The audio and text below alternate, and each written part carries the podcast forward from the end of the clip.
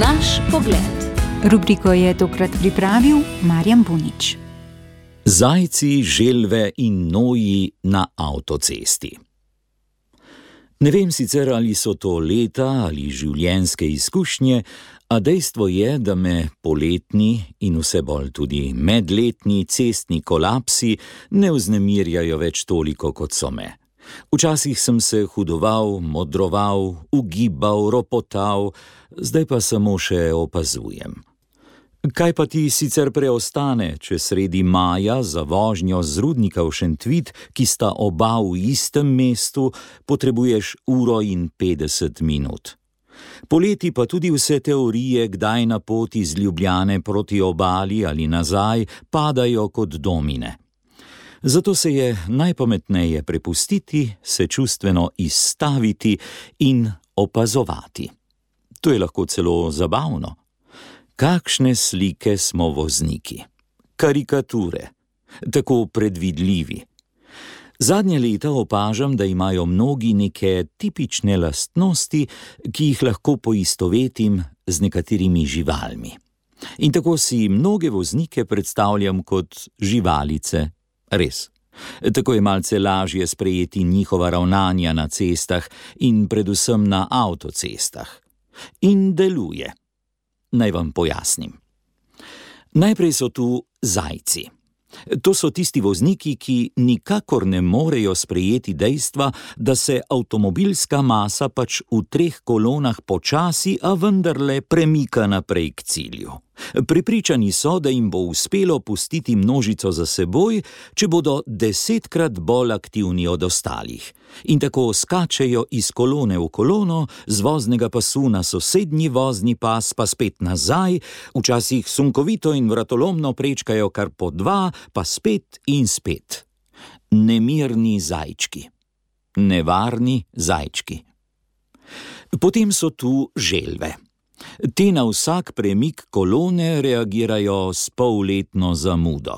So v nekem usporednem vesolju, kjer življenje teče pač po želvje, izredno počasi.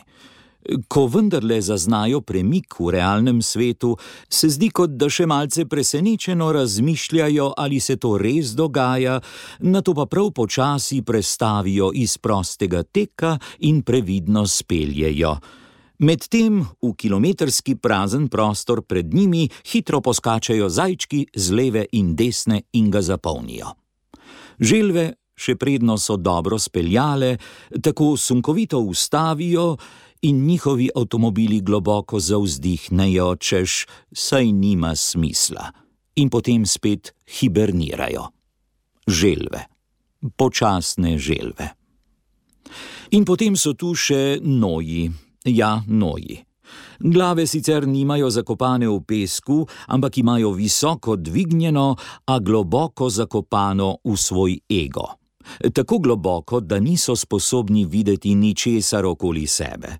In tako zadovoljni s seboj, s 60 km/h jadrajo po prehitevalnem pasu ker je pač tam drugačna klima, ker je pač tam drugačen razgled in ker jim pač tako paše. Prehitevalni pas so namreč zagotovo iznašli prav zaradi njih, saj se na njem počutijo kot doma.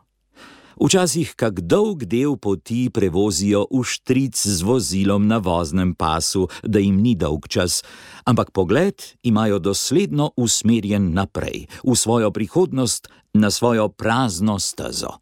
Vse drugo puščajo za seboj. Tudi dolgo kolono nervozno mežikajočih vozil, ki se jim obešajo na rep in si jih obupno prizadevajo obiti. Lahko bi jih sicer opazili, če bi s pogledom ošvrknili v zvratno ogledalo, vendar jih ne. Kajti to bi bil že pogled stran od njihove tekoče prazne poti. Razen njih in prehitevalnega pasu ni na svetu ničesar. Noji. Egoistični noji.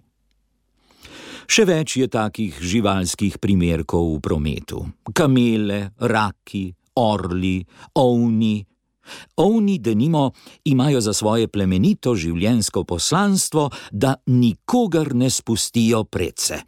Čim opazijo kak smerni kazalec sosednjega voznega pasu, kakšno zožanje ceste ali stekanje dveh pasov v enega, takoj sklonijo glavo v bojno držo, pripravijo svoje rogove na trg in se na tri centimetre prilepijo na vozilo pred seboj.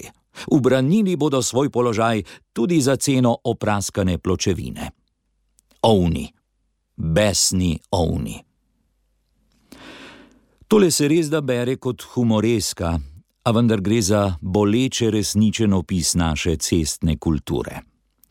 In čeprav določenih potez Darsa in župana naše prestolnice res ne razumem, pa se mi vedno bolj dozdeva, da za kolapse v prometu niso krivile sezonska dela, neracionalno načrtovane obnove, zožitve in dopustniške karavane, ampak si potovanja otežujemo sami.